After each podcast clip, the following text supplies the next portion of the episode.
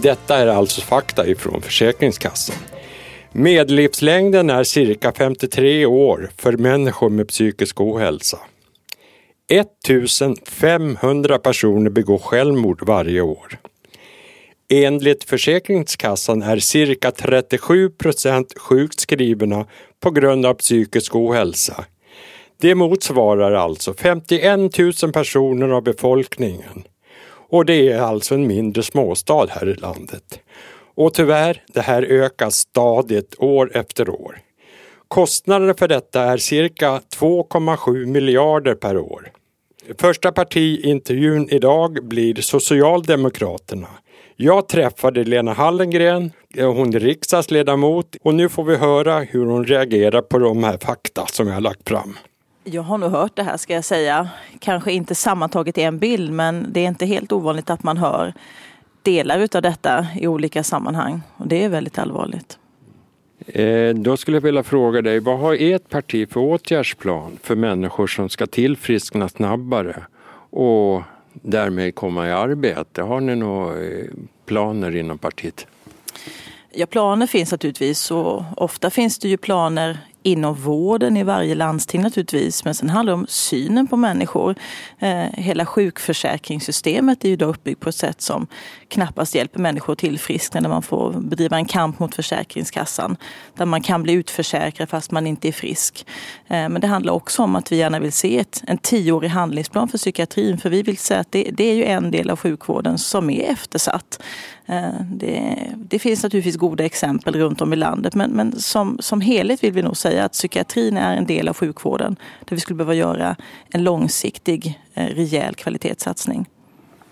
Jo, det här med utförsäkringar det är ett särskilt kapitel så att, så att ni vill eh, arbeta från att inte folk ska bli utskrivna så som de har blivit tidigare inom eh, Alliansen.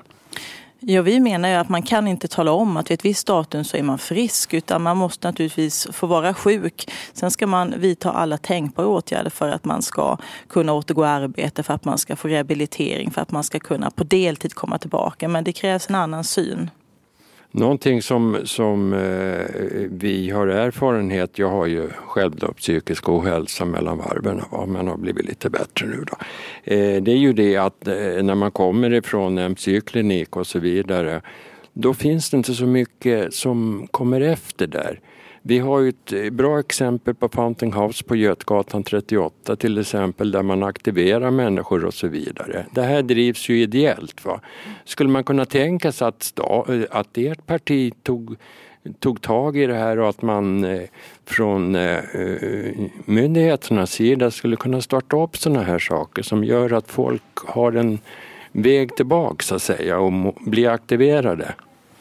Ja, så man måste ju hitta en väg tillbaka. Om vi nu säger att man inte ska eh, säga att det finns ett sista datum då man inte längre kan vara sjuk så måste man naturligtvis fundera över hur, hur ska man då bli frisk och så frisk som det bara går. Eh, och hur ska man kunna ha sysselsättning i den utsträckning som man klarar av och orkar med.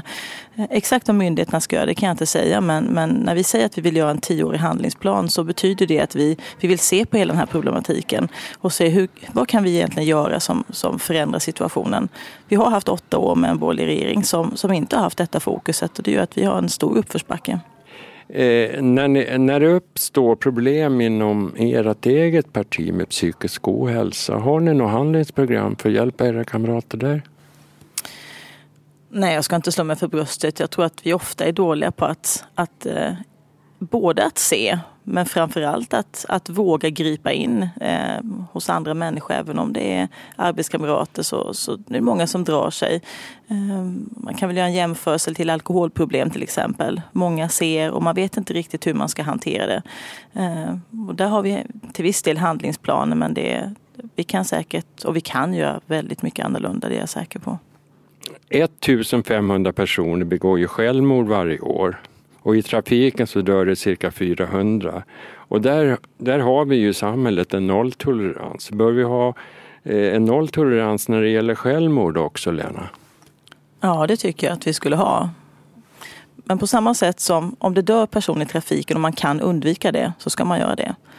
Kan man se till att människor som, som tar självmord kan undvika det så ska vi naturligtvis göra allt vi kan för detta. Vad driver ert parti för frågor för att förbättra psykiatrin? Det ser lite olika ut ska jag säga i olika landsting. Eh, för i mångt och mycket så drivs ju hela sjukvården inklusive psykiatrin i landstingen och det ser inte helt lika ut. Eh, men vad vi säger nationellt är att vi, borde ha en, vi ska ha en tioårig handlingsplan.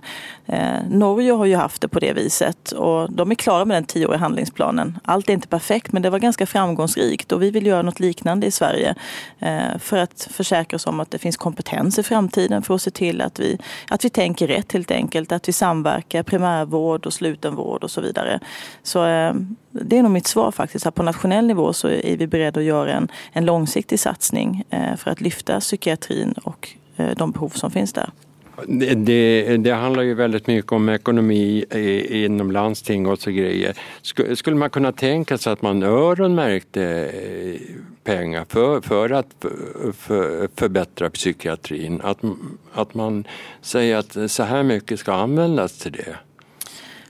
Alltså om man verkligen gör en långsiktig satsning då utgår jag från att man också öronmärker pengar. Men vi har inte idag sagt att en viss så här många miljoner eller miljarder ska vi öronmärka. Men, men gör man en långsiktig satsning så ingår ju det förstås att man både öronmärker pengar. Men när man gör en långsiktig satsning så är det också ett sätt att att trycka på liksom, alla landstingen att, att gå lite i den riktningen. Annars, annars gör man lite som man vill och så jobbar man med olika frågor i vården. Men vi vill ju se psykiatrin som ett av de områden där vi faktiskt flyttar fram positionerna i Sverige. Sen har vi det här med förståelsen för psykisk ohälsa. Har ni, har ni pratat om det inom partiet om ni har någon eh, åtgärdsplan för sånt? Nej men förståelsen är ju, eh, jag satt och funderade lite grann på det själv, för man talar väldigt mycket om unga och psykisk ohälsa.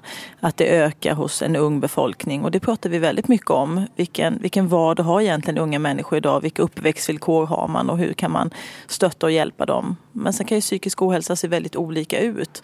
Och ibland när man är ung så, så är det helt självklart kanske att man är till stundom så, så känner man att man, man mår inte riktigt bra men, men det går liksom över, man hanterar det på olika sätt.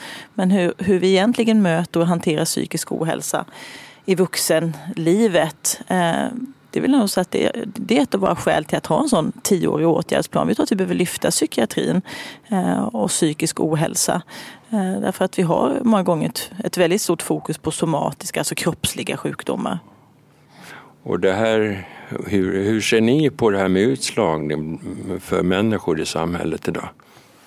Nej, men vi har ju ett tuffare och kallare och hårdare samhälle, tycker jag att man kan se på många sätt. Vår partiordförande Stefan Löfven sa en gång att någonting i vårt samhälle håller på att gå sönder och jag tror att det är det som man känner och man kan känna det på olika sätt. Man kan ju naturligtvis vara arbetslös och inte alls ha någon psykisk ohälsa men det är som du säger, det är ofta som det hänger samman och att se till att man har ett jobb att gå till. Att man inte känner att man inte behövs, att man inte står vid sidan om och tittar på när andra är samhället. Det, det tror jag är helt avgörande. Man kan leva med psykisk ohälsa beroende på hur omvärlden och omgivningen ser ut.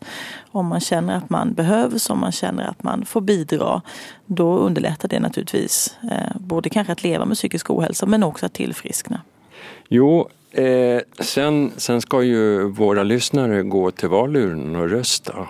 Mm. Vad, vad vill du eh, trycka på att det här, det här är viktigt när det gäller socialdemokratin och psykisk ohälsa? Något riktigt konkret. Varför ska de gå och rösta på, på Socialdemokraterna, Lena? I september, du pratar inte nu naturligtvis, i maj. Eh, Politik är ju, liksom, det är ju ett helt paket av idéer, det är ju ideologi. Eh, och socialdemokrati handlar om alla människors lika värde. Det handlar om att, att eh, att se till att alla behövs, se till att man har sin plats, att man känner att man får bidra. Eh, när vi pratar om en tioårig handlingsplan för psykiatrin så är det ett uttryck för att vi vill förändra situationen för de människor som har en psykisk ohälsa. Vi vill stärka vården och se till att man helt enkelt får bättre förutsättningar att leva med sin psykiska ohälsa eller att kunna bli frisk från sin psykiska ohälsa.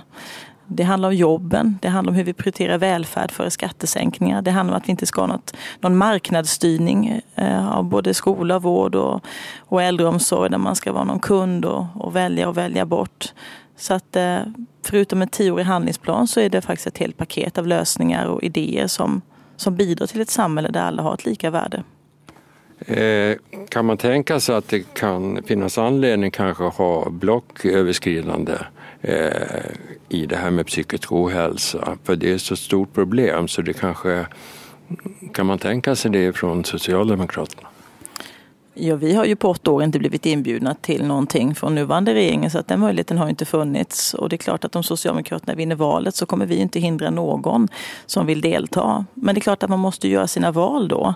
Eh, man kan ju inte ständigt välja skattesänkningar, välja företagandet, välja valfriheten, välja eh, privatiseringar. Därför att då blir det väldigt svårt att samtidigt satsa på psykiatrin, på sammanhållningen, satsa på att ha en sjukersättning som, som, eh, som är human, som tillåter tillåter människor att vara sjuka tills man är frisk. Så att eh, jag ser väl inga omedelbara kopplingar till, till så många av de borgerliga partierna men det är klart att vi, vi aldrig säger nej till att hitta breda gemensamma lösningar som gör det bättre för, för medborgare av något slag.